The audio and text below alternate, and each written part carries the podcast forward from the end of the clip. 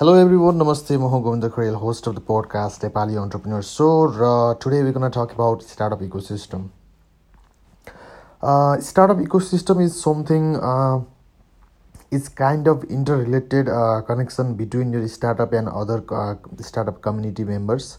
That can be uh, anything like venture capitalists, big companies, universities, your mentors, startup advisors and all sort of other non-governmental and governmental programs uh, uh, so all this together is also known as startup ecosystem so ecosystem is really need to uh, consider um, while starting uh, while starting a startup because नेपालको कन्टेक्समा हेर्ने भने startup ecosystem is not that kind of mature अनि if mature ecosystem भनेको चाहिँ त्यस्तो चाहिँ ecosystem हो जहाँ चाहिँ हरेक चाहिँ बडिजहरू चाहिँ एक्टिभली इन्भल्भ भइरहेको हुन्छ र चाहिँ जसले चाहिँ स्टार्टअप को चाहिँ इनिसियल फेजदेखि लिएर त्यसलाई चाहिँ एउटा युनिकन बनाउनसम्म चाहिँ भूमिका खेल्ने गर्दछ।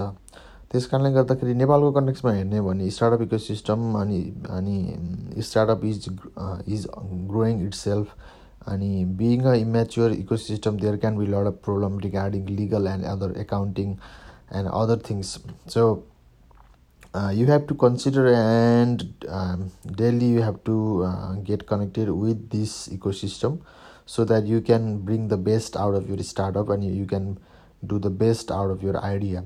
So uh, being in ecosystem your idea can be judged by a lot of people and if there is anything need to be changed then you can definitely get some mentorship and advice. So silicon valley since 19 uh, 1930s there was a evolution in uh, starting a startup. And when there was tech bubble in uh, united states after that grew uh, slowly there was startup growing trend. And silicon valley uh, is one of the best place to pitch your idea and start a startup nowadays. And you can see a lot of startup um, are now in international market like uber airbnb and all other upcoming um, startup like DoorDash are waiting to um, launch the first uh, ipo through the silicon valley. So that's the case. So talking about startup ecosystem um, being a startup founder or, or as an entrepreneur you should definitely know about your um, about this um, topic. And that's why i covered this topic today. So startup ecosystem um, um, i already talk about um, uh, talk about the connection. The connection is between the your startup uh, entrepreneur where there can be other um, mentors, advisors, uh, university programs, uh, governmental and other non-governmental organizations.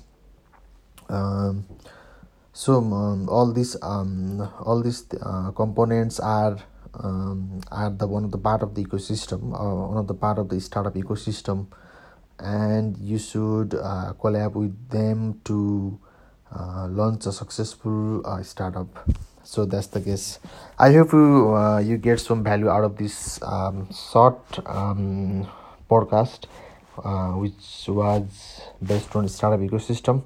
And uh, just letting you know i have al- already started um, youtube channel as well. And uh, it's been couple of videos um, i have already uploaded in the youtube channel. That is of same name that is uh, nepali entrepreneur. So you can search on youtube and consume my content and if there is any queries and if there is anything i can make um, uh, better in the future definitely please comment me.